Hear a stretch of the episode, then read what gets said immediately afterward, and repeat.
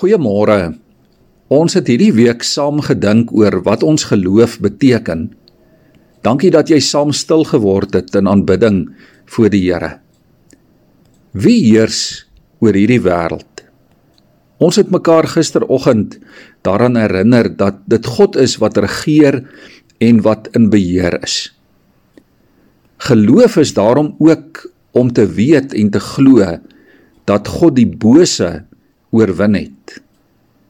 As jy en ek met 'n menslike bril na hierdie wêreld van ons kyk, dan sou ons maklik daaroor kon twyfel.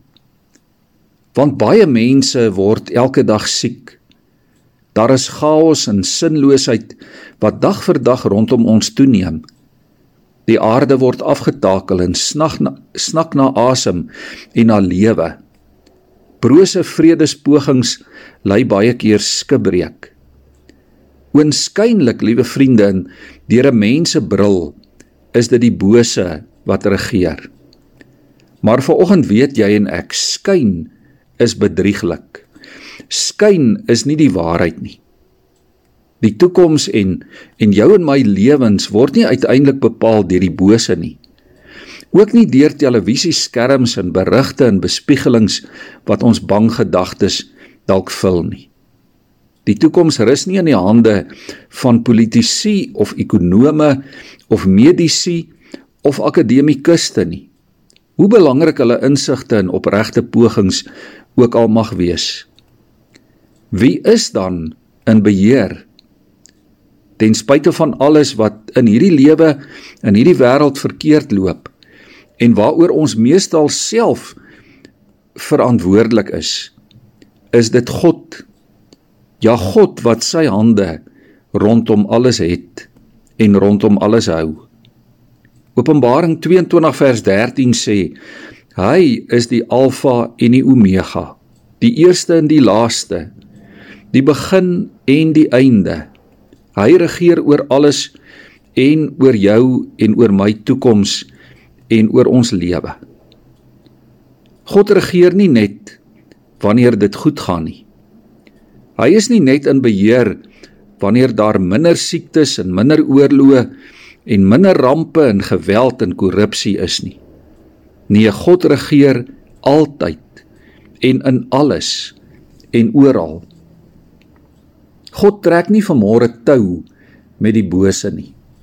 Hy is die almagtige God en hy het die bose oorwin in Christus ook wanneer die bose met 'n paar laaste boosaardige stuiptrekkings probeer om sy krag te demonstreer. Ook dan triomfeer ons God en is hy in totale beheer. Kolossense 2 vers 15 sê: God het alle mag en gesag ontwapen en hulle in die openbaar vertoon deur hulle as gevangenes mee te voer in die triomftog van Christus. Ja, die bose se mag is geknak en sy rug is gebreek. Hy kan jou en my dalk nog seermaak, ja, maar hy kan nooit wen nie. Onthou dit vandag. Jy is in die span van Christus, die oorwinnaar. En hy is aan jou kant. En in in hom is jy self ook meer as 'n oorwinnaar. 'n Vriend van my wat in Australië bly, sit op sy Facebookblad 'n pragtige foto en fotos van rose en die woorde let's stop today and smell the roses.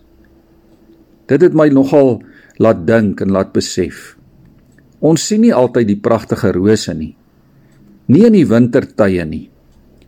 Maar ons kan God se genade altyd sien. Ons kan dit altyd ruik die vars geure van sy genade. En ons kan tekens daarvan oral sien. As ons vanmôre en vandag en in hierdie tyd mooi kyk, dan sien en ruik ons dit. Let's stop today and smell the roses. Kom ons bid saam. Here ons tree baie keer op soos verloorders terwyl ons meer is as oorwinnaars. Vergewe ons daarvoor, Here. Dankie vir die geur van u vars genade in ons lewe vir oggend en in hierdie dag. Maak ons daarvan bewus, Here, deur u Gees en laat ons vandag te midde van chaos u oorwinning met oorgawe vier. Amen.